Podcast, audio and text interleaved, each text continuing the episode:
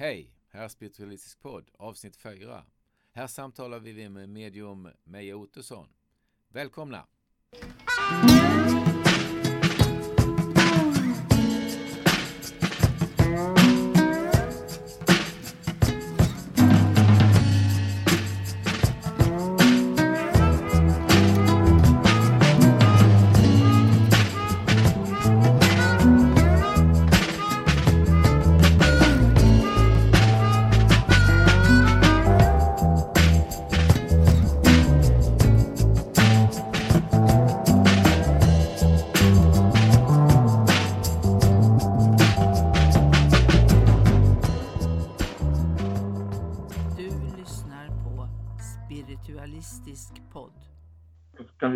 Välkomna eh, Mia Ottosson som eh, från västkusten, tidigare Karlstad, eller hur Mia? Jajamän, det stämmer. Och eh, ja, du har varit eh, involverad i eh, spiritualismen sedan, som jag förstår, 1994 och varit ett eh, verksamt medium i över 20 år. Japp. Och du kom till Arthur Findlay College i slutet på 90-talet för första gången, som jag förstår. 1998 tror jag det var. Och eh, du har nu eh, eh, ett SNU-certifikat, vilket betyder Spiritualist National Union-certifikat. Och eh, både för eh, eh, publik, vad heter det, offentlig, eh, Demonstration. En offentlig demonstration. Ja, public speaking and demonstration. Ja. Och du är den enda i Norden eh, hittills som har... Eh, Nej, inte nu tror jag inte. Nu finns det nog ganska många som har ett CSNU, men jag är enda i Norden som är eh, lärare där borta. Okej, ja. Mm. Och då var den första svensk då i varje fall överhuvudtaget. Ja, det var jag. Mm, mm, precis. Och Mia har ju eh, varje sommar haft, eller det är väl vår som du har haft den här svenskveckan på Arthur Findlay College. En hel vecka med eh, svenska, eh, kanske mest svenska elever, men lärare, internationella lärare, eller hur? Japp, Ja. det stämmer. I april brukar de vara varje år. Mm. Mm. Och Trallan vet jag har varit där. Ja. En eller två gånger ja. Mm. Mm. Ja, det är ett fantastiskt ställe. Ja, det är, det är ett, eh, härligt. Men Otroligt vacker miljö och sånt där. Det är himla trevligt där. Och så hade, dansade vi hade trevligt också. Jajamän. Ja, visst. så, så, så vi hade roligt. Ja. From one spirit to the other, som vi säger på kvällen. Mm. Ja.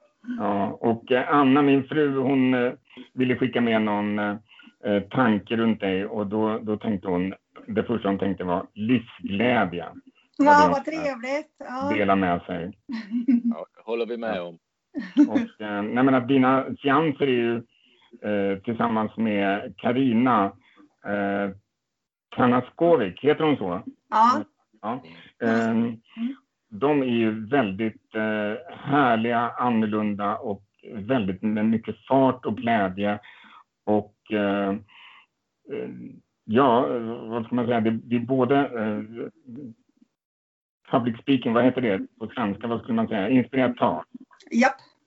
och eh, mediumskap, eh, med, ofta med både, eh, ni tar dubbellänkar, eh, enkellänkar, eh, alltså det, det vill säga ni har båda kontakt med samma ande.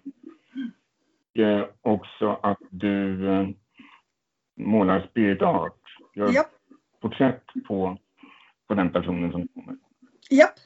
Och, och sen får vi inte glömma att du håller utbildning med Speaker Spirit som också är väldigt bra tycker jag. Och, eh, så det är också något som man kan presentera. För att, eh, det, jag tycker det, även när de, era seanser, är det någon annan som håller på så där som ni gör alltså eh, med psychic art, eh, musik, ja, den här farten så att säga. Jag, jag har inte sett någon här i Sverige i varje fall så jag tänkte om det fanns någon i England eller så eller finns det någon mer som agerar som ni i princip? Jag vet faktiskt inte Brallan. Det är ju Nej. sällan jag har möjlighet att se någon annan jobba, vilket är lite synd. Så Ja, ja. enda gången jag ser andra medier jobba, det är egentligen när jag jobbar tillsammans med mina kollegor, vilket jag älskar. Och visst har vi roligt tillsammans, men då är det ju inte direkt dubbellänkar och så, utan Det kan väl vara när vi har någon kväll tillsammans när vi har, när det inte är divine service i England som vi kan vara lite mer avslappnade och Ja, ja, inte vara så pretentiöst om jag får uttrycka mig så. ja, precis. Ja, men det, det, Ja. det kan lätt bli för pretentiöst, men jag känner själv att det blir alltid ett allvar med många. Man, så det, så jag, jag gillar era seanser på det sättet att de är väldigt levnadsglada. Mm. Ja, jag tycker det är viktigt och framförallt, jag vet ju själv när jag började att det var ju så spännande och man var ju så, eh, vad säger man, eh, det var ju sån ära, du vet allting och det var ju så allvarligt och, och då sitter man där som på tå är nervös istället och har kanske lite ångest och är lite rädd istället för att för mig, andevärlden är ju en lycklig värld, en fantastisk värld och de är inte stela och pretentiösa utan de är ju fulla av glädje och kärlek. Mm. Mm. Mm. Och sen, så, med. och sen så är det ju så att om jag tittar på en demonstration själv som någon har så jag blir lätt uttråkad. Det måste hända något hela tiden. Eh, mediumet, eh, om jag inte ska somna, den behöver ha lite humor. Det behöver vara bra budskap eller meddelanden. Eh, bevisföringen framför allt. Det behöver vara lite action och annars så somnar jag lätt. Det, det låter jättehemskt men eh, genom att jag är ganska sprallig själv så behöver det vara lite action och därför tycker jag väl det är roligt att göra en massa olika när jag demonstrerar. För att jag Mm. skulle inte vilja lyssna på mig själv i en och en halv timme och bara mata. och då behövs det lite art och lite porträtt och lite Mm. dubbellänkar, lite musik, lite bra, ja lite variation helt enkelt. Mm, jo. Och det är väl Mm. roligare för mig som medium att få jobba på det här viset. Jo, ja, men för att det är en publik kan ju vara ganska allvarlig på en seans. Absolut. Att man kommer dit och man tänker på sina döda och man har mycket sorg i sig. Ja. Och, eh, och det kan ju bli väldigt tungt helt enkelt. Ja. Ja, och en del tycker inte om att man har roligt heller då. En del Mm. tycker att man ska vara gravallvarlig för det är allvarligt. Och ja, det är allvarligt. Men jag tror inte att andevärlden... Det finns ju en blandning där när medlemskapet är som bäst tycker jag. När man har både glädje och allvaret och healingen. När allt smält samman, eller flätar samman. Då tycker jag att det är som bäst. Men det är ju min personliga åsikt. Därför du har ju en annan eh, tanke. Eh, både Prallan och jag har gått dina kurser och sådär. Mm. Och eh, många medium gör ju så att när man eh, laddar upp, eller på många kurser gör man ju så att man bara att man mediterar. Eh, men du försöker få en höja energin istället. Ja. Eh, genom att eh, där, sit in the power, att sitta i kraften alltså. Och, och att inte gå in i sig själv utan att gå ut. Hur ska man förklara det där egentligen? Ja, sitta i kraften är ju inte... Meditation har ju en intention. Men sitta kraften är ju att bli ett med allting egentligen. Så jag expanderar upp mitt medvetande. Men inför en demonstration så gillar jag att lyssna på popmusik. Någonting som drar igång mig, som jag blir glad och uppåt av. För att eh, mediumskap är ju snabbt och bubblande. Eh, en snabb och bubblande energi. Och den vill jag åstadkomma innan jag går in på scen då. Mm. Och det är ju så härligt den där, när du kör den där popmusiken och ibland har vi ju sjungit med allihopa och sådär. Ja. Och, och det, det ger en otrolig energi till hela Jajamän. gruppen. Från, när alla kommer in och grav, gravallvarliga och kanske både nervösa och allt möjligt så kommer någon och lira ens favoritlåt. Ja. Och en del sitter och tvinner och tycker att det är jätteobehagligt första gången. Mm. Men det märker vi i Speak of Spirit när de har återkommit flera gånger att de tycker nästan det är det bästa när vi spelar musik och alla får sjunga och klappa händerna och skapa lite glädje helt enkelt. Ja, Lite i feststämning. Ja, men precis. Och Mm. förr i världen, vi hade ju en orgel på vår förening, Stockholms förening, och man spelade ju psalmer och Ja. sådär innan. innan. Så det- var väl det var ett annat sätt också att komma tillsammans, även om... Absolut, det var ju så förr. Jag menar när jag började åka till Stansted så var det också orgelmusik och psalmboken. Fast Mm. den spiritualistiska då. Eh, Men eh, idag så har vi ju allt går ju över elektronik och Spotify eller vad det nu kan vara. Så idag har vi väl lite mer modern musik som vi spelar. Ja, vad säger du om, om just eh, kristendomskapen som har varit med i spiritualismen länge? Menar, det är många som ska läsa Fader vår och sånt där, men Mm. du verkar liksom lite mer mot det där. Eh, Kan du utvärdera det lite på något sätt. Ja, jag har väl inget emot om folk vill göra det, men det passar inte mig. Nej, För nej. att eh, kyrkan för mig har i alla år representerat så mycket dogmer. Hur Mm. man får och inte får vara. Och det är också väldigt mycket skrämsel eh, eh, propaganda därifrån om ont och gott och hur Mm. saker ska vara och annars blir du bestraffad. Och jag tycker väl, och en av anledningarna att jag fastnade för spiritualismen det var att jag får tänka själv. Jag får tolka principerna som jag, som det passar mig. Ingen kan ju vara på samma medvetandenivå så att jag tycker att det lämnar utrymme för olika tänkande. Mm. Naturligtvis stöter man ju på sådana i denna branschen också, som det är my way och the highway. Men jag tycker att det är väldigt befriande när man kan se på saker och ting olika, man kan diskutera filosofin framför allt. Och om någon annan får mig att tänka till att ah, då, ex då expanderar jag ju mitt medvetande och det tycker jag är spännande. Mm. Att man inte bara fastnar i det gamla. Precis. Att man, att man utvecklas hela tiden, att man Ja. inte står still. Ja. Mm. Och jag tror att det är så lätt att fastna i det gamla. Men så här börjar det och så här har vi gjort nu i 40 års tid. Så här är det. Men jag tror inte andevärlden stagnerar heller. Utan jag tror de också utvecklas tillsammans med oss. Mm. Så jag tror väldigt mycket på förändring och, eh, och se på det från olika vinklar. Ja. Nej, men när jag kom till föreningen, Stockholms spiritualistiska förening 2006 var det väl, eller 5, då hade vi ett stort kors eh, på altaret och eh, det läses alltid Fader vår eh, Mm. innan seanserna. Och det var väldigt annorlunda, men nu har vi skalat bort det mesta av det och går man på en seanslokal i England så är det väldigt avskalat. Mm, absolut. Och sen de har ju kristna spiritualistiska kyrkor också. Och det är länge sedan jag var i någon. Det var också slutet på 90-talet, början på 2000-talet tror jag. Så jag vet inte riktigt hur, hur det ser ut där nu men den kristna influensen den var ju med från början. Och jag tror inte ens att, om man ska vara ärlig, att SNU hade kunnat skapa som de inte hade principen with the ministry of the angels. Du vet. Så att Mm. Eh, och de, eftersom spiritualismen är en ganska ny religion så kommer det ju de flesta från kristendomen så att det är ju väldigt mycket som förs med in där naturligtvis. Jo. Men du har ju själv skapat ett eh, trosamfund i Sverige här. Ja, i. Speak of Spirit gjorde vi det. Ja. Mm. Och, och det är ju, eh, vi på Stockholms spiritualistiska förening, vi tänker ju på spiritualismen som en filosofi. Ja. Medan ni tänker på det som en religion. Ja, det, det var väl ifrån början så var det meningen att vi skulle bli en underorganisation till SNU. Och då är man tvungen att skapa ett trossamfund. Vilket eh, jag har inget emot att det är en religion, jag har inga problem med det ordet längre, vilket jag hade i många år, samma med ordet Gud, du vet, för det är så sammankopplat till kristendomen som många tar avstånd från och kyrkan och allt det här. Men eh, egentligen så kanske det hindrar väldigt mycket. Men nu, våra lagar och de engelska lagarna är ju så annorlunda. Så skulle vi ha blivit en underorganisation till SNU så går inte våran, våran lag ihop. Våra bestämmelser, när man avslutar en organisation så ska man ha ett sista styrelsemöte när man bestämmer vad man ska göra med ekonomin, inventarier och så vidare. Och det gick inte SNU med på, utan det ska gå enligt deras. Och så får man betala ganska mycket. Så vi har faktiskt slopat trossamfundet. Mm. Men vad betyder det då?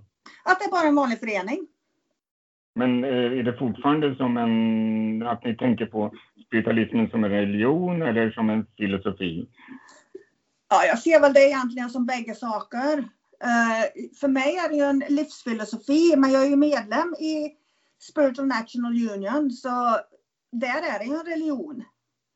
Mm, mm. Så att, jag, jag, jag, egentligen så, så kan jag säga att jag är en stolt religiös spiritualist. Mm. så egentligen så är det bara ord för mig. Ja, ja men Ja. precis. Mm. Nej, men det, det är skönt att och, eh, ta laddningen ur laddade ord. Ja, absolut. Mm. Jag menar, eh, det, det är ju samma som om någon hör mig säga om vi tänker på Gud så blir det så allvarligt och du vet. Mm. Men om en engelsk medium säger I'm think about God så är det mycket mer lättsamt med en gång. Mm, mm, Så Mm. ja, ord har en väldigt stark laddning. Ja. mm, mm. Eller säga gudinnan istället för Gud, the goddess, så är det också Ja, ja, en helt annan Mm. bemärkelse på det, eller betydelse. Mm, mm. Ja, det tråkiga är... Ja, förlåt. Nej, det är lugnt. Nej, jag tänkte bara så att Gud, många ser ju Gud som en man, men eh, Ja. hur vet man det egentligen? Det kan eh, kanske en androgyn varelse, det är kanske en alltet av allting, alltså man vet ju aldrig. Nej. Men det är så, det, många har så färdiga uppfattningar om vad allting ska vara ju. Ja. För mig, om jag pratar för min egen del, så är jag Gud. Du är Gud. Ni Mm. är Gud. Eh, för mig är Gud skapelsen, allt, allt som existerar helt enkelt. Och, eh, så jag tror inte på någon som bedömer dig eller straffar dig eller någonting sånt. Nej, det är vi så bra på själva. Mm, precis. Jag håller, det jag håller med dig. Det hade varit fantastiskt om vi kunde uppfinna ett nytt ord. Ja, precis. Gudomlig gemenskap? Nej. Ja, ja. Ja. Det, det är svårt. det är svårt. För vi Ja. vet ändå vart, vad, vad vi vill säga med Gud. Fast vi Mm. vill inte ta den kristne guden eller den... Ja, Ja, vil, vilken som. Det är väldigt mycket idéer där. ja Mm. absolut. Men Och- hur, jag, jag tänkte fråga om det här med mediumskapet. Mm. Hur kom du in på mediumskapet? Och är det någonting du har haft med dig hela livet eller är det någon händelse som fick Ja, det började väl egentligen med att jag hade en, haft en dödslängtan i hela mitt liv. Mormor var ju eh, med i Frälsningsarmén så hon var väldigt religiös och pratade om änglar och Jesus och sånt där. Sen har jag ju två ateistiska föräldrar så jag kunde ju inte ta det där utan man lyssnade på mamma och pappa. Men eh, det började väl egentligen med att man lekte anden i glaset i någon garderob på jobbet när vi inte hade jobb. Mm-hmm. Och sen så Mhm. och då hörde man ju aldrig de där skräckhistorierna. Du vet att den får man ju inte leka för rätt som det är så står det att eh, du finns i garderoben och där kommer djävulen ut. Och det är väldigt mycket sån skrämselpropaganda. Mm. Och genom att man är mörkrädd så liten för att man inte kan sätta benämning på vad man känner i stillheten, tystnaden och mörkret så är det ju lätt att man går till rädsla. Det är ju försvarets mekanism och djurets instinkt som vi har i oss. Så jag var rädd under många, många år även när jag började utveckla mig. Men sen träffade jag en före detta svärfar till mig som tog med mig till Karlstad spiritualistiska förening. 93 där någonstans. Och, eh, och då kände jag väl för första gången att jag hade hamnat någonstans där inte bara var jag som var knäpp. Mhm. Utan vi var många likasinnande och jag kände mig hemma för första gången. Så där började jag med meditation faktiskt. Mm. Som Och- gav mig väldigt mycket. Och- Men det, du gick på en seans då? Ja, jag började med att gå på en seans. Och uh, gick väl på ett par, tre stycken. Och sen så tog jag någon privatsittning och sen så började jag med healingkurs. Och sen blev det mediumskap då. Mm. Och, och sen tog det dig till slut då till Arthur Finley College 98? Ja. Då. Ja, och då var det med internationella spirit, eh, The International Spiritualist Federation som det heter, ISF. Som hade sin världskongress då på Arthur Finley College då som jag var med för första gången. Mm. Jättenervös, jätterädd, ångest hela veckan, grät, skrattade om vartannat. Så det var den värsta veckan och den bästa veckan i mitt liv. härligt, härligt. Men, men vilken typ av mediumskap drogs du till? Eh, vad var din styrka så att säga i början? Var det healing eller var det eh, det här med eh, att kontakta anförvanter? Och, Nej, det var healing. Jag trodde precis som många andra tror att, eh, att man, var, man måste ha någon speciell gåva, du vet, vara utvald för att kunna eh, jobba som medium eller ha kontakt med andevärlden. Och genom att jag inte har några speciella upplevelser som barn eller någonting vad jag kan komma ihåg.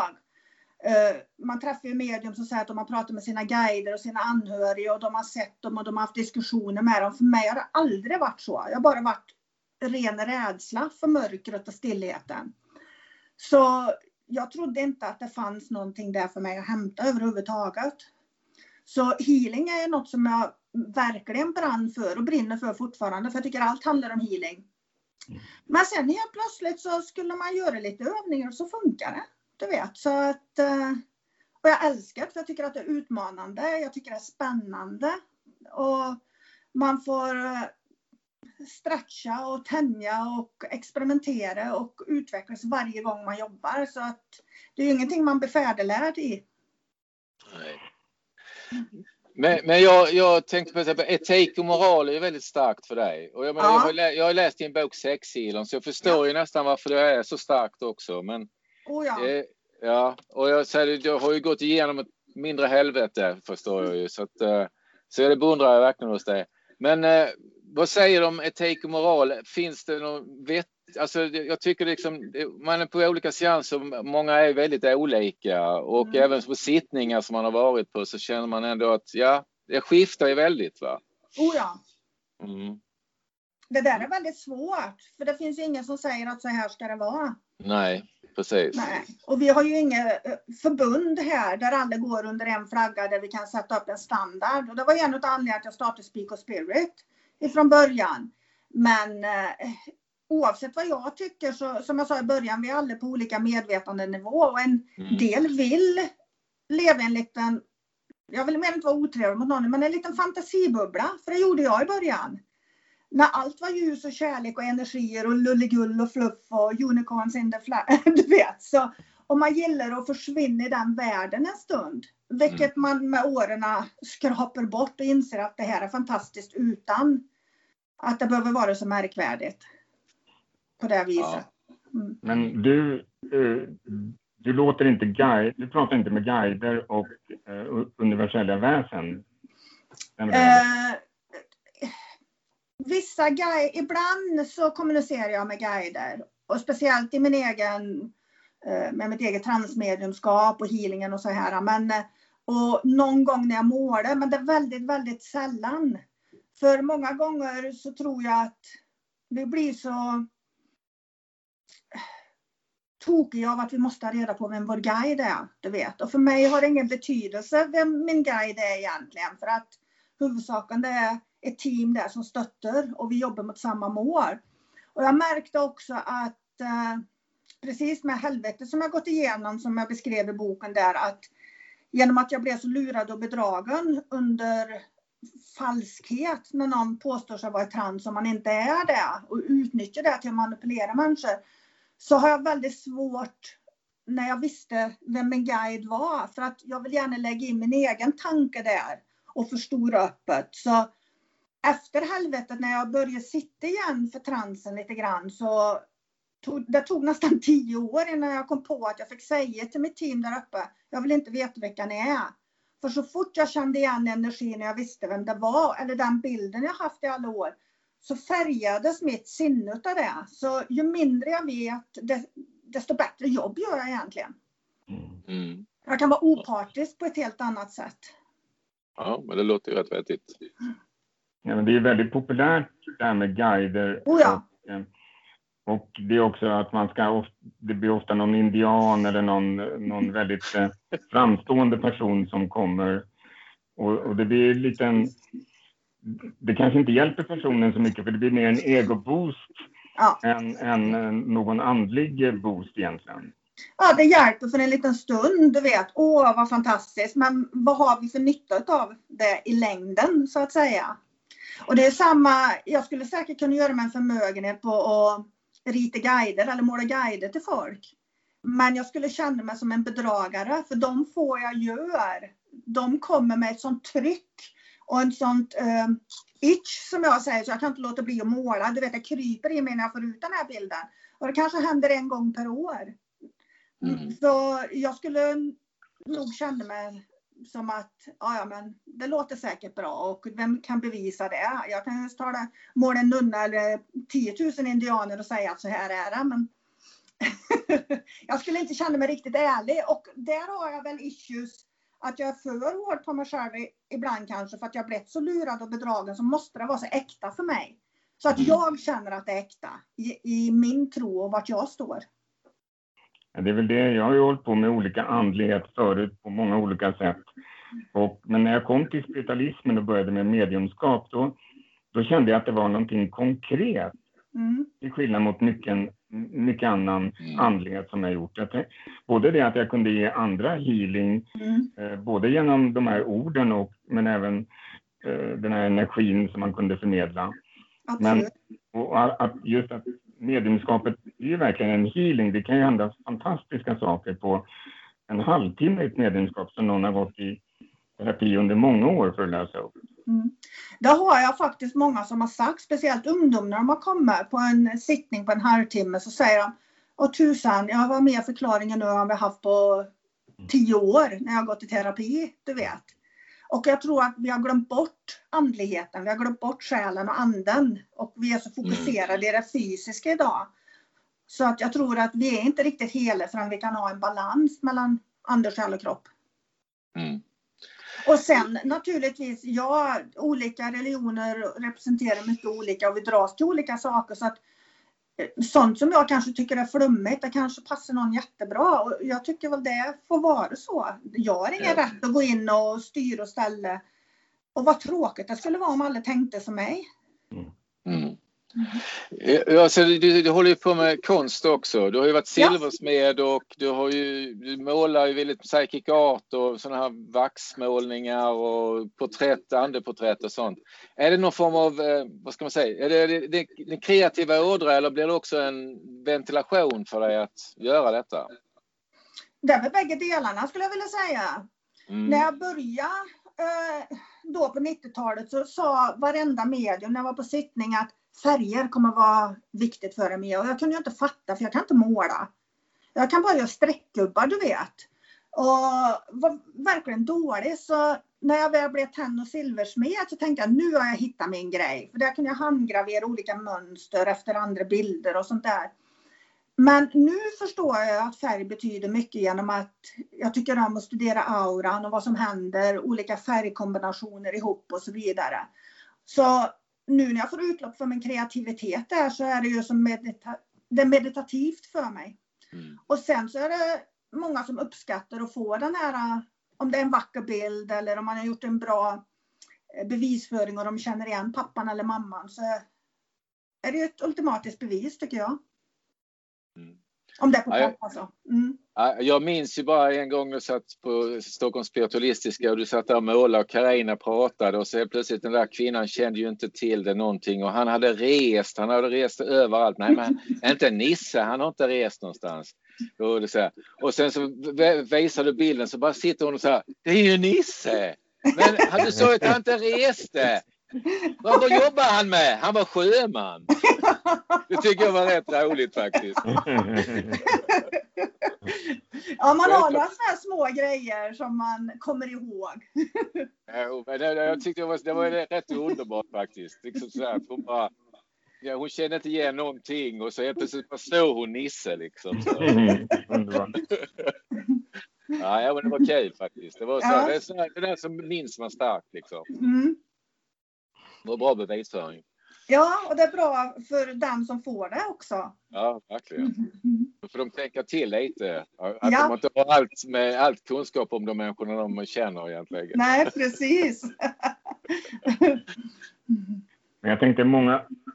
En, en sak som man har problem med i början när man lär sig eh, mediumskap, Mm. eh, det är ju skillnaden mellan det här med att man läser av psychic, att man läser av auran på en person eller tanken eller vad ska man säga, den, den, den personen, man läser av personen som sitter framför en Ja. istället för att ha kontakt med, med andevärlden och en, en, en avliden ande helt enkelt. Mm, absolut. Mm, och och det, det höll jag på, det, det tog lång tid innan jag överhuvudtaget fick, eh, hörde om skillnaden. Alltså. Mm. Så jag hade ingen aning om att det var en skillnad ens.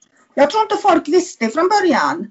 Och eh, om man tänker på när jag började söka mig runt omkring så de här spåtanterna och det här, du vet, man trodde ju allt kom från andevärlden. Eh, idag har vi ju bättre kunskap om vilken fantastisk kraft vi har själv och vi underskattar, underskattar ofta vår egen ande och kraften vi bär med oss. Och för mig så är det nästan självklart att all information ligger ju i vår aura, allt vi har upplevt. Så Och där ligger ju även minnena från våra nära och kära. Så att det är klart att det går att plocka upp mycket information där. Och jag tror det är därför också vi har blivit eh, kallade för att vi gör väldigt mycket cold reading och hot reading och allt vad skeptikerna, skeptikerna påstår att vi gör. Och jag tror vi gör det omedvetet också många gånger alla av oss. Mm. Så att eh, jag tror inte att det är så enkelt bara svart eller vitt, du vet. Och eh, jag tror inte man kan undvika och inte ha med en del av mottagarens energi även om du jobbar med andevärlden. Så att, men ju mer du jobbar med energi, ju mer märker du ju när du tar energin från mottagaren eller andevärlden. Så även om jag gör en andekontakt och gör bevisföring på just andekontakten och håller mig till det ganska länge så har jag ju mottagarens energi. Så jag kan använda mig av det till att ge några goda råd i slutet och så vidare. Tack vare vad jag känner av från dig också. Men hur upplever du skillnaden mellan de två? Mellan andekontakt och den här eh, psykiska avläsningen av personer? Det är, svårt, det är svårt att förklara. Jag tror att det är olika för varje människa kanske. Eh, men för mig är den mer levande. Det är svårt att förklara. Det är, det är mer fart, det är mer... Eh, det sprakar mer om en och den är mer aktiv än om jag läser någon som är här. Det låter ju jätteflummigt men ja, det är svårt att förklara. ja, men jag kan väl känna att när jag, när jag får en, en bra andekontakt att eh, då kan det bli en sån här enormt påslag av energi och kärlek. Absolut. Som jag känner liksom strömmar igenom mig till den personen jag har framför mig. Mm. Och, och, och, det, det känner jag aldrig om jag jobbar med den personens aura så att säga. I alla Nej. fall, det är så jag tolkar i alla fall, att mm. det kan komma väldigt... Eh, eh, jag kan bli så här, det är som att jag bara träffas av en sten rakt i hjärtat. Eh, en pil rättare sagt. Och, mm. och, och det, det, blir så snabbt eh, en enorm energi som kommer. Mm. Sen så tror jag också att, eh, jag har också märkt att för varje år jag jobbar ju mindre känner jag ju mycket. Så mm. att eh, idag är det mest en vetskap, du vet. Jag bara vet idag. Men eh, sen så tror jag också att att man, det är en ära att få ta del av den människan som man jobbar med som har gått vidare. Att man, att man känner deras livshistoria på något vis. Att, att man delar deras kärlek, deras smärta, deras... Det är ju en ynnest att få jobba med, tycker jag. Mm. Mm. Jo, och det kan vara kämpigt också ibland. Eh, jag fick ta del av en, jag fick ta del av en eh, drogupplevelse mm. för ett par år sedan Eh, på en av dina kurser faktiskt. Och, eh, och, och, fick följa med den här personen in i den här drogruset. Mm. Eh, och, och, ja, det var någonting som jag aldrig varit med om tidigare, men det var ju väldigt stark bevisföring i det också. Absolut. Jag kunde kommunicera det här. Mm.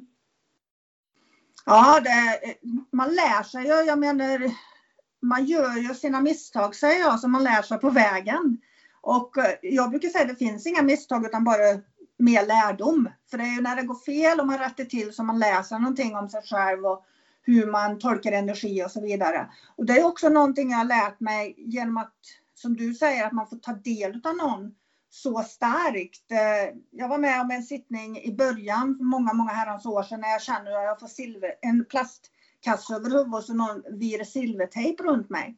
Och innan jag gjorde den sittningen så kände jag att det här är viktigt. Jag måste kommer lite närmare, jag måste känna lite mer. Så jag, jag gjorde ju ett verkligen svårt för mig.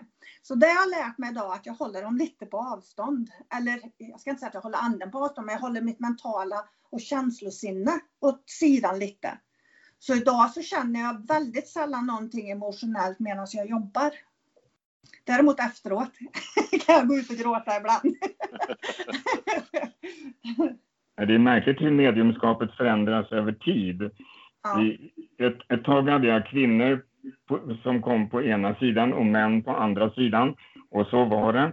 Och sen var det liksom andra saker som var på ett visst sätt. Om det är morfar så skulle han komma i den vinkeln framifrån och sådär. Men allt det där har kastats upp i luften hur många gånger som helst nu. Ja. Och sen så bara vet man istället.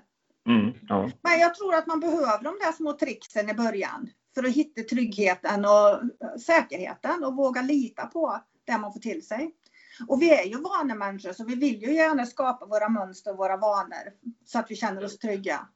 Och det är ju det som är så bra med mediumskapet, för du, vill du utveckla själv så kan du inte sitta i den bekvämlighetszonen och hamna i de här vanemönstren. Så ja, det är många som ger upp eh, på vägen för att man har kontroll och man är perfektionist. Men eh, när man kan komma över den biten så är det ju ren glädje och eufori och spännande.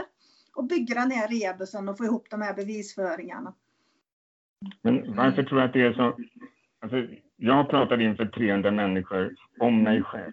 Mm. Och det var inte något stort problem. Det var en enorm aula liksom. Mm. Och det gick jättebra. Men stod jag in, i alla fall i början, när jag stod inför 10-15 personer och skulle ge meddelanden så var jag jätte, jättenervös. Mm. Och, alltså, det går inte ihop på något sätt. Vad är det som gör den här... Men du har, ju inget, du har ju inget manus ju. Nej. du har ju inget manus. Du bara går där och så är du där och så måste du säga någonting fast du inte har något manus ju. Nej, men det känns som det är på liv och död. Jag hade ingen manus ja, jag, heller. Jag hade mitt eget liv. Men... Ja, men du har du, du har du manuset i dig ju. ja, förlåt, men alltså, ja. Ja, men absolut. Vi, har ingen, vi vet ju inte vad som ska hända. Sen så tror jag att om vi tar på allvar och det betyder mycket för oss så kommer den där pressen automatiskt. För ingen vill gå och sätta sig ner och tänka att Jesus, jag gjorde inte den pappan rättvis och hon går därifrån och tycker att det här var bla bla när jag kunde ha gjort en healing och en förändring. Så på automatik så tror jag man sätter stor press på sig. Men samtidigt också mycket, jag tycker inte om att jobba för 10-15 pers heller. För att det känns så intimt.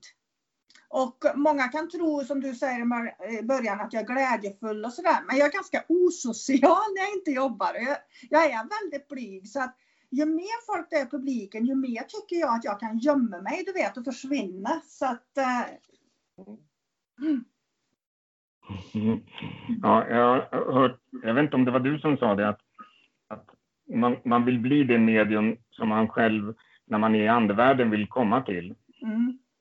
Att, man, eh, att man ska känna att man skulle vara bekväm att komma till en själv som medium. Jag vet inte. Det, nej, jag vet inte om det kommer från mig. För att, eh, eller det kanske har gjort, det vet jag inte. Jag ändrar ju min filosofi hela vägen, ju mer jag utvecklas också. Men jag kan tro ibland att eh, precis som jag klickar bra med vissa människor som lever så klickar jag ju lättare med andra på andra sidan också. På grund av att jag känner igen mig i dem och kanske har samma livshistorier eller jag kan en del av det. Men eh, jag kan ju tro ibland att andevärlden, de tar vad de får. För att säga hej, att jag mår bra och eh, jag, nu kommer jag någonting som jag tycker att det är väldigt lätt att ha, att ha ursäkter för om jag gör ett bra jobb eller ett dåligt jobb. Och går det inte bra så är det alltid mitt fel. Det är aldrig andevärldens fel. För då har jag inte lärt mig tillräckligt om den här personligheten eller jag inte fokuserar tillräckligt eller vad det kan vara. Men visst, kommer det in någon från andra sidan som jag kan referera till med mamma eller pappa, det är klart jag gör en bättre bevisföring och har en bättre förståelse. Speciellt om mottagaren sitter där och jag ser mitt alter ego, du vet. Så gör man ju fantastiska bevisföringar och gör bra läsningar. Men kommer det någon som jag inte har en tillstymmelse av karaktären och inte kan känna igen mig i så får jag ju slita. Men det är också spännande då. För då lär jag mig någonting nytt. Ja, det, det, det, är lättare att ta någon som är nära en person. Det är svårt när det är någon eh, moster, faster, syster som är väldigt långt bort som man famlar på. Liksom. Eh, jag gör ju aldrig det, jag vet det. Nej. Nej. Och, och, jag har också på något sätt bestämt mig att jag vill inte ha det. Nu har det blivit mycket mer, jag har fått mer kontroll i medlemskap ja. på sätt. För oftast just att man är uppväxt med och det gick i hela branschen att du bestämmer ingenting, du tar vad du får. Jag håller ju inte riktigt med om det. Jag ser ju mitt jobb med andevärlden som ett partnerskap så jag har minst lika mycket att säga till om hur jag vill jobba för att det ska bli ett bra jobb. Så när någon kommer på sittning till mig så känner jag ju alltid av vem är de närmaste som har gått bort. Jag tar inte bara första bästa för att då hittar jag ju kanske en karaktär som jag känner mig trygg i. Men som kanske är mosters mosters mor, du vet. Och då är det ju, då gör det väldigt svårt för mig och jag tror inte att det är så roligt för den heller att få den kontakten. Så jag kollar ju alltid efter mamma, pappa, bröder, systrar, mormor, morfar, farmor, farfar, barn. så att säga, syskon, den närmaste klicken. Och då vet jag att då är det lättare. Det blir lättare för mig och det blir lättare för klienten att hitta rätt med en gång. Och du har en annan filosofi när det gäller också privatsittningar. Man kan faktiskt komma till dig och så säga att jag vill att mamma ska komma. Jajamän, absolut. Eh, jag, och det har jag tack vare en del av mina kollegor. Här tänker vi olika, mina kollegor och jag också. Många håller med mig och många håller inte med mig. Men jag tror ju än en gång, och det är det jag får så mycket skit för från många kollegor, att eh, jag tror att det är mediumets ursäkt, du vet. Och gamla historier som går tillbaka, du vet man hörde att nej de är inte redo att kommunicera än och de dog så tragiskt och nu håller de på och läker ihop på lasarettet på andra sidan. Jag tror ju inte att någonting kan skada själen och anden, du vet. Det fysiska ja, men inte själen och anden. Så jag tror ju att de alltid är där. De är ju allvetande i mina ögon. Så att kommer jag på en sittning och mina, jag förlorar någon av mina barn, inte vill jag örsla 30 minuter på mormor och betala dyra pengar för det. Nej tack. Så jag känner ett ansvar där att kommer någon och är sorg så ska jag göra mitt yttersta för att ge bra bevisföring. Och det är inte värre tycker jag att om det inte lyckas så säger jag tyvärr, du får komma tillbaka en annan gång eller gå till ett annat medium och lämna pengarna tillbaka. No big deal. Det är som min farfar, han har dykt upp tre gånger och jag har aldrig mm. träffat honom. Mm. Jag vet bara att han jobbade på station, var någon stins eller något liknande och, ja, och var väldigt bestämd och sträng. Det var det enda jag visste och det enda de får fram också. mm. Det är liksom, det är inte, det är inte värt mig, det är inte värt någonting för mig till exempel. Så att, Nej. Och jag gör också så att om jag plockar in någon och jag får ett, ja jag vet inte, jag frågar, man känner ju ofta, vad väl kände du den här personen? Ja, jag känner ingenting, känner inte till någonting om dem kanske de säger då ödslar jag ingen energi på den anden. Och där är det ju många som tror de har kommit så nu måste vi ge dem respekten och jobba med dem. Men jag är inte bara här för att serva andevärlden, jag är här för att serva den som kommer till mig också. Jag, jag tror ju på partnerskapet. Och jag tror att man får ta ansvar där som medium och anstränga sig lite. För jag tror allihopa är där. Mm. Och det ser man ju på dina kurser också, att då får vi uppgifter att att, vi, att den, den, som man sitter med ska ge en person. Mm. Och, och, då kommer ju den personen, alltså man beskriver den personen ja. Eh, och eh, då vet man att den personen vet vem det eh, är eftersom de ska ju ta en person de kan mycket om. Jajamän. Så att det är inte bara för dig det funkar utan det funkar för den som vill göra det faktiskt. Absolut och speciellt på träning. Jag vet, andevärlden gör ju allt för att ni ska utvecklas och det är klart att de är där och ställer upp. Det har mm. aldrig misslyckats, aldrig, utan de är alltid där. Mm. Jag, tänkte på, jag, jag, tänkte på de här sju principerna och jag kunde prata snabbt om dem. För jag, jag är väldigt förtjust i personligt ansvar, eh, femman, som också stämmer väldigt bra på den här tiden vi är i nu med corona. Ja. Det är väl den som jag tror de flesta faller för. Och det är väl just för att den går ifrån det här med dogmer och detta. Det här får du göra, det här får du inte göra. Utan vi tar personligt ansvar själv över våra handlingar. Mm. Så jag tror att det är därför många dras till den. Jag också, men jag älskar ju The Brotherhood of Man. Jag tycker att sammanhållningen mellan människor, som vi har döpt den till, är extremt viktig. För jag tycker att människan är väldigt egoistisk i sin natur. Mm. Eh, för vi är oss själv närmast, djurets instinkt än en gång. Och den är nog svårast att jobba på, att älska människor fast de inte är så snälla alla gånger. Fast de inte är så ärliga, fast de, man tycker att de är jag ska inte säga några fula ord för jag ska ut i radio. Men idioter! men, men jag, jag, kan, jag kan ju bara säga vad, ett, ett uttryck som jag brukar säga. Jag älskar alla människor men jag gillar inte alla.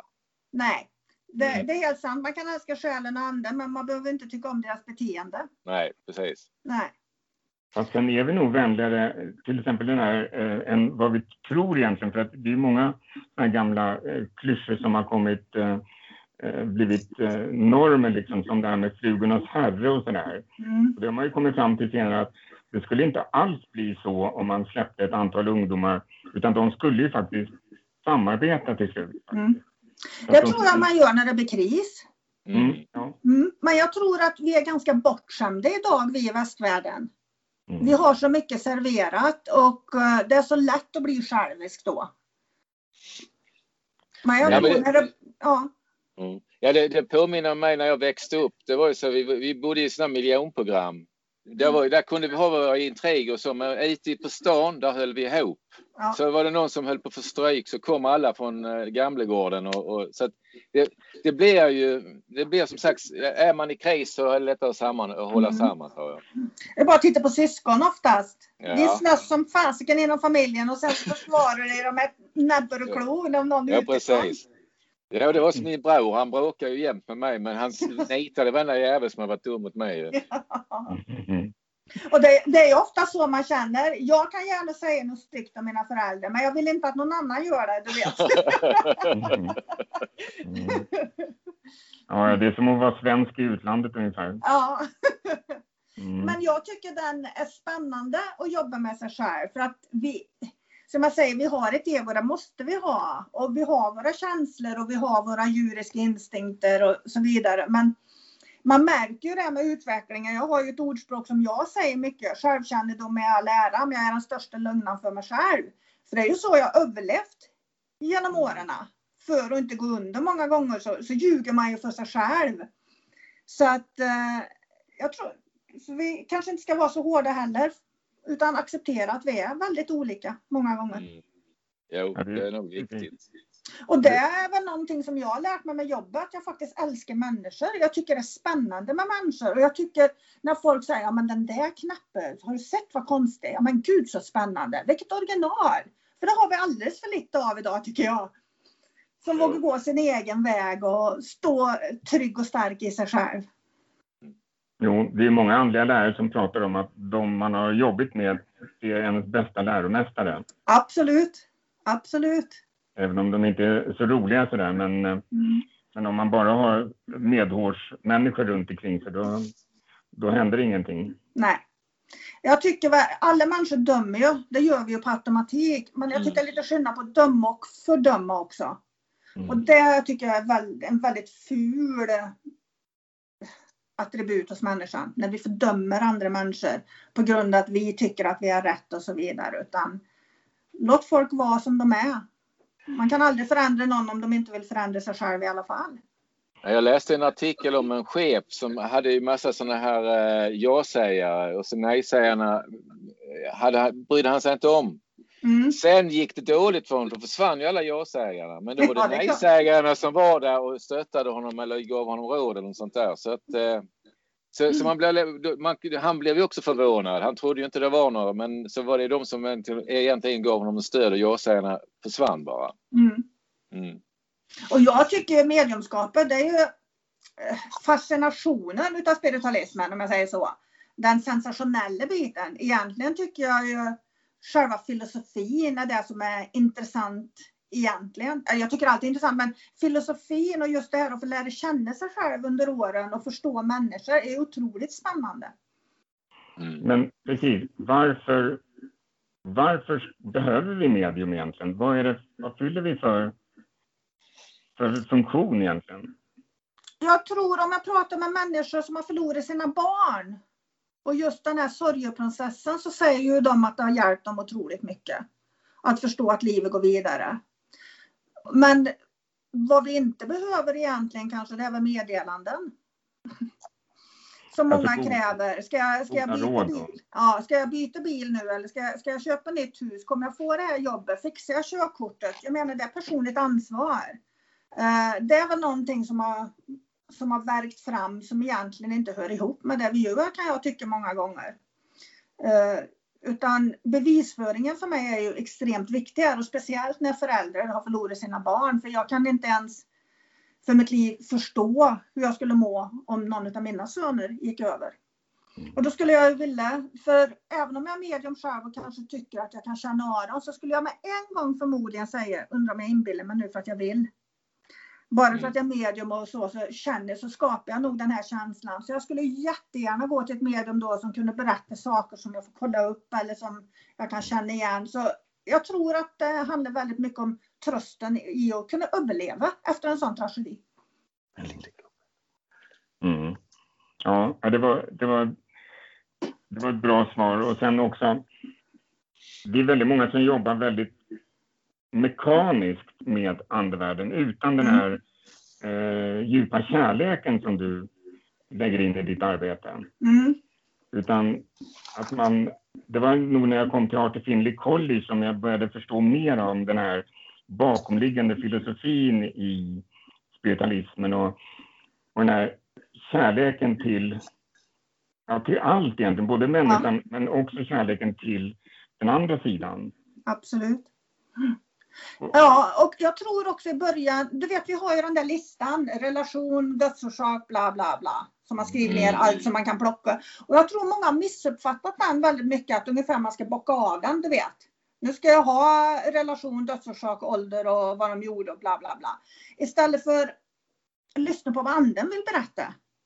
Ja, du måste ha specifik information så du kan etablera kontakten, men det är ändå viktigt, vad vill anden berätta, inte vad jag vill få sagt. För att jag ska tillfredsställa mitt behov att nu har jag plockat arbete, nu har jag plockat hobby, nu har jag plockat dödsorsak, bla bla bla. Så man får jobba lite med sitt ego också. För jag är inte så nöjd med mig själv om jag inte har dödsorsaken till exempel. Jag vill gärna ha den, men jag får acceptera eh, att det vissa gånger kanske inte är det som är det viktigaste i den här kontakten. Mm.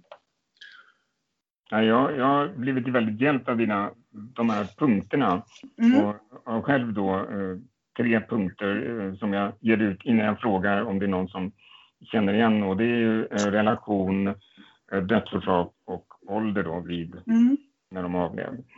Och, och det, det blir ofta väldigt, blir det specifikt så känns det ju som man kan etablera en kontakt på Mm. ett ganska enkelt sätt gen- gentemot att prata om hårfärg och klädval och sådär. Mm, den, är, den är svår för jag menar beroende, vi ser hårfärg olika och ja. Ja, det är väl bara att ta mig, var ljus lite, eh, mellanblond och sen blir jag svart och sen blir jag grå. ja Och vem, när möter de mig liksom? Så att Ja. säga. Ja. Mm. Jo, man lär sig ju och vad som passar en själv. Som du säger, dödsorsak och relation, det har jag nog till 90 procent i alla mina kontakter. Eh, I alla fall när jag står på scen, för det är så lätt att etablera då vart man ska, som du säger mycket, och något mer specifikt, kanske karaktären eller åldern eller någonting. Men eh, samtidigt ibland så tvingar jag mig också att hitta andra ingångar, för annars är det så lätt att fastna i sitt mönster där, där man blir bekväm och det vill jag inte heller. Och eh, men sen lyssnar jag så fort jag etablerar kontakten. Oavsett vad jag får för information så ska det vara specifikt. Sen lyssnar jag på vad de vill uttrycka. Vad de vill säga. För att ibland så kanske de inte känner dem så väl. Och då får man bara de där två, tre sakerna som kanske behövs. Och andevärlden i min, i min värld är väldigt intelligent. Så de vet precis vad mycket och vad lite som behöver sägas. Och det har jag ju fått många sådana efteråt när jag tyckte att det där var inget vidare med det. Det gjorde du inget bra. Du greppade aldrig riktigt dödsorsaken där och du tog inte riktigt det. Det var inte riktigt rätt. Och slör på mig själv efteråt. Och det är oftast då de har kommit upp och sagt att Gud vad bra det var. Jag fick precis vad jag behövde. Precis det jag väntar på.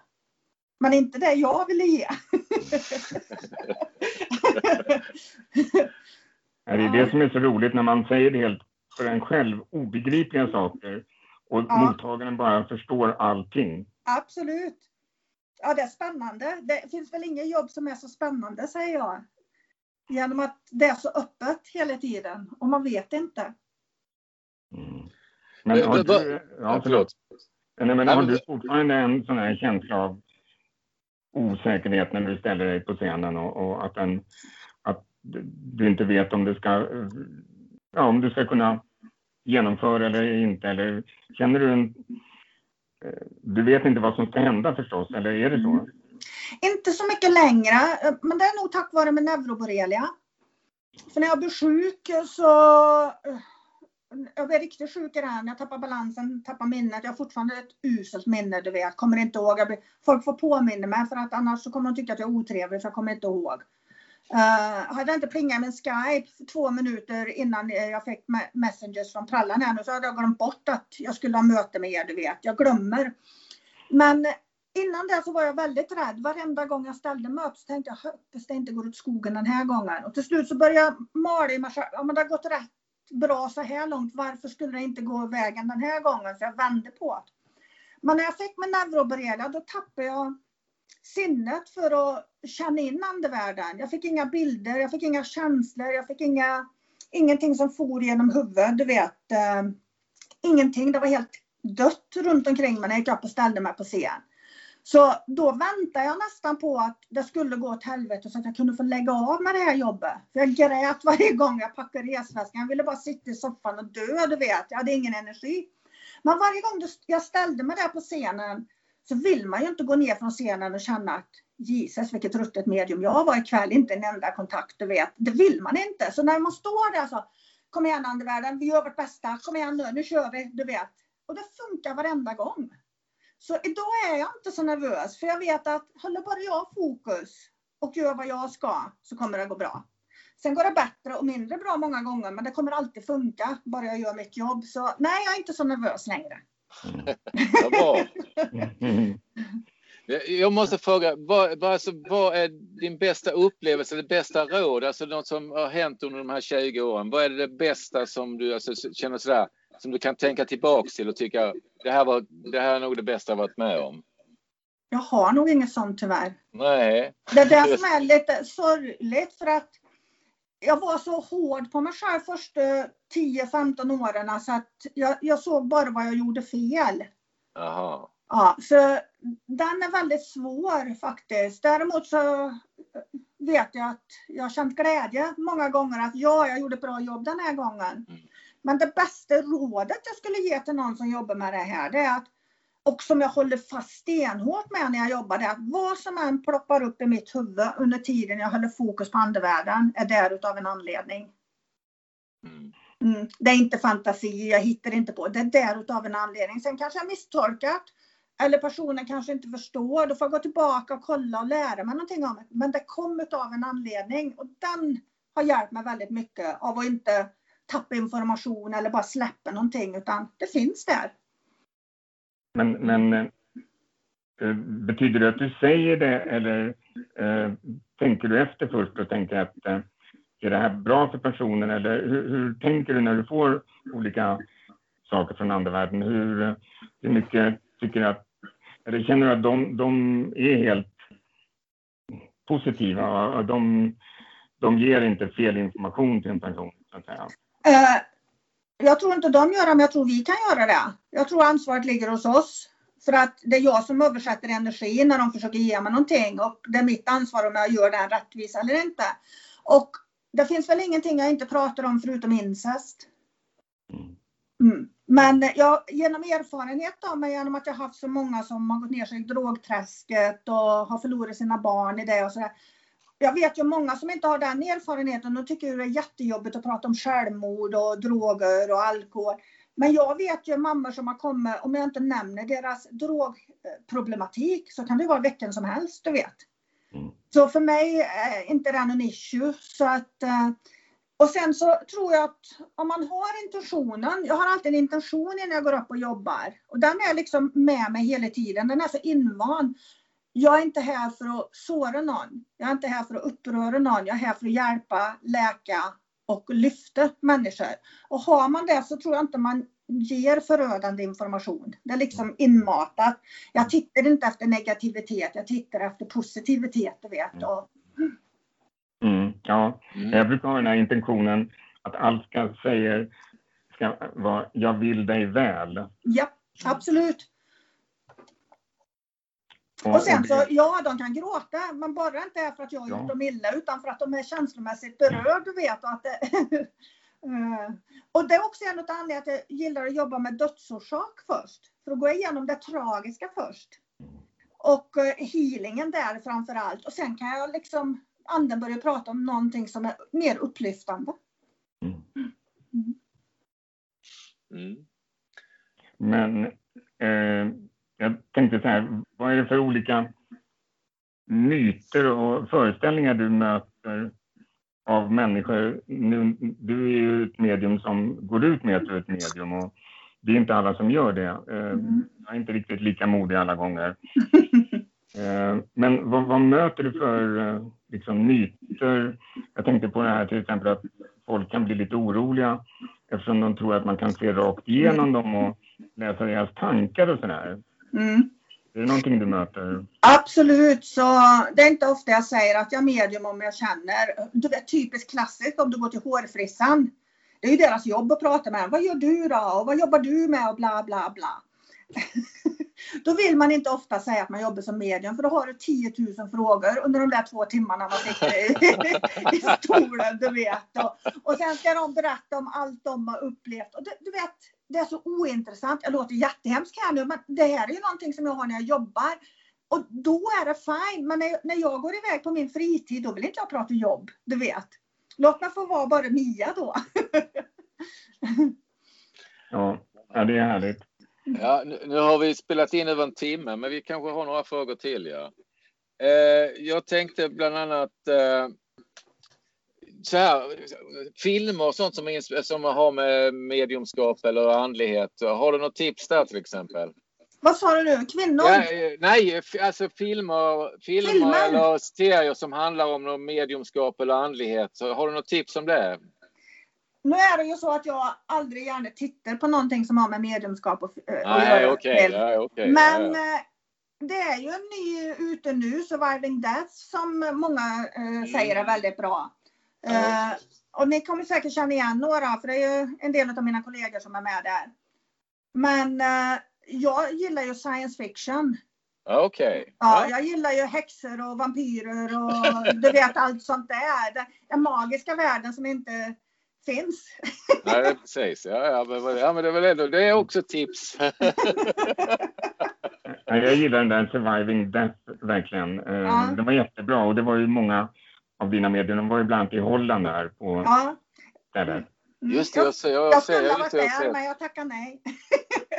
ja, ja, okej. Okay. Den helgen. Ja, ja, Colin Bates var ju där och sådär. Ja. Mm. Men jag, jag tänkte också fråga bara, att du har en mediumutbildning också. Ja. Och eh, på Stockholms spiritualistiska förening är det ju Susanne Andersson som har blivit certifierat medium av dig. Ja. Eh, och Karina då. Mm. Jag bara tänkte, din mediumutbildning ser ganska annorlunda ut jämfört med de andra. Mm. Jag har gått en mediumutbildning, det var tre år och sådär. Men, men många upplever att det tar längre tid. Att, för det är inte bara att lära sig det är inte som att göra en kruka. Nej. Utan och, det måste ju vara en andlig utveckling samtidigt också. Absolut. Och sen, vi tittar inte bara på att du ska göra dina två år till exempel och göra fem seanser eller tio seanser eller 20 eller 30 bla bla bla. Utan vad vi tittar på är ju egentligen hur du hanterar publiken. Har du bra bevisföring? Kan du tackla nejerna? Kan du ta scenen? Kan du stå i din egen kraft och göra ditt jobb? Du vet. Och äh, egentligen så är det ju inte, du kanske bara behöver gå så lite kurs, men du behöver träna mycket, du vet. Och ta, ta möjligheterna och, och stå på scen och jobba med människor och så vidare. Många tror ju att ja, men om jag bara gör de här äh, tio gångerna som man ska gå så blir jag certifierad. Det är inte så vi jobbar. Utan vi, vi vill ju ha ut medium som, äh, som vi kan rekommendera, så man kan känna att är det någon som frågar, ja, jag vill ha kontakt med ett av mina barn som har gått bort. Då vill jag veta att ja, man har någon gått under utbildning hos mig så vet jag att de gör sitt bästa i alla fall, du vet. Man nonchalerar inte barnet och tar in mormor och säger att nej, han är inte redo att komma nu eller hon är inte redo, du vet. För mig kommer etiken och moralen in där. Mm. Så ja, vi, vi, är, vi kräver ganska mycket. ja, och om man vill läsa mer om den, då, då går man då på... På Speak och Spirit på Speak of Spirit. Och där eh, ja, hur man går tillväga. Nu är det lite krångligt under pandemin här. Men... Ja, så är det. Men, men en annan fråga nu när jag sa pandemi här. Mm. Kan du se någon... För att många pratar om att det, det är en ny tid här nu, Age of Aquarius och att det är en ny utvecklingsfas och att många går in i en, ja, en slags öppning och så här. Eh, är det någonting du kan ja, vad är din känsla runt det? Du vet, jag är så ett jäkla tråkigt medium så jag är så ointresserad så. Så jag känner aldrig på sånt där. Däremot så tycker jag att uh, det är ganska skönt att jorden har fått en paus. Jag tycker det är underbart att de kan se himlen. Vart var det i, i Indien där? Uh, mm, Bombay. Ja, Bombay ja. Eh, att de faktiskt kan se himlen eh, för Mm. all avgas sånt där. Och jag kan tycka att det är fantastiskt. Och jag tror att det kanske är naturens eget sätt att säga emot vad vi håller på att förstöra nu. Jag hoppas på det i alla fall. Mm. Men jag är aldrig sådär så att jag går in och försöker spekulera och jag är jättedålig på det här med Aquarius time och allt det. Jag kan ingenting. Så Jag är inget textbokmedium i alla fall. Jag har inte läst mycket kan jag säga. Utan jag, jag har lärt mig av mina egna erfarenheter och lyssnat, har lyssnat på mina lärare och plockat ihop det bästa av det bästa och försökt ifrågasätta framför allt Mm. allting för att expandera och tänka ett steg längre kanske varje gång. Mm. Ja, bra svar. Bra svar, ja. Eh, känns som att vi är klara nu, Micke, eller vad säger du? Ja, Meja, du har inte mer att säga? Nej, har du inga frågor? Jag har väl inget mer att säga på det. än. Nej, jag, jag, jag tror inte Vi kan jag har. prata hela dagen med dig. Vi kan, prata, vi kan inte prata hela dagen, men eh, så här, det är mycket att ta hand om också. Ja, men det var roligt att se er också. Ja, detsamma. Så det var, det var väl tur att vi tog bilden då. Ja. Det blir för tråkigt att bara sitta i telefon så. Ja, precis. Absolut. Nej, men jag hade nog en fråga till i alla fall. Ja, men kör den då. Nej, men, eh, jag vet inte om jag, vi har nog nästan pratat om det här på olika sätt, men vad tror du andevärlden har för syfte med sin... Varför vill de kontakta oss, så att säga? Jag tror att de vill kontakta oss för att vi behöver det. Mm. Det tror jag.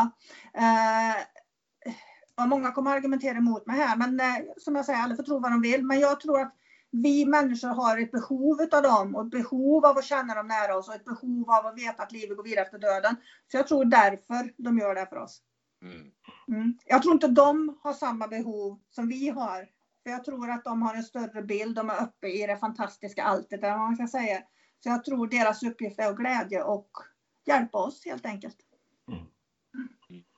Och se bortom vår egen, egen näsa. Ja.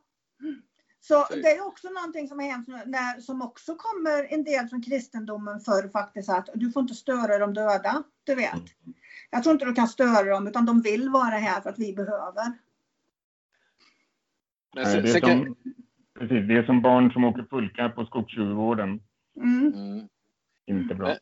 Men sen är det ju med kristendomen så är det, alltså, alla säger är du inte snäll så kommer du inte upp till himlen. Men sen så är det Mm. kyrkan mot att man pratar om att man kommer någonstans och sen samtidigt även pratar de om att man kommer till himlen. Så att, och vad gör man i himlen då? Stannar man bara där? Alltså det är, det är rätt roligt. Det Ja. måste ju ha funnits en andlighet närmare medialitet i kyrkan längre tillbaks tror jag. Men, Ja, det tror jag också. mm, Det tror jag också. Det är människan som har förstört den. precis. För egen makt och korruption. Precis. Som alltid i allting. Pengar, Mm. makt, korruption, du vet. Ja. Och, så att, Jo, men det tror jag också. Mm. Ja, men nu har jag faktiskt inga mer frågor. Och... Nej, nej, inte jag heller. Men eh, tack Meja! Underbart! tack! Tack själva! ja, men tack så jättemycket, Mia.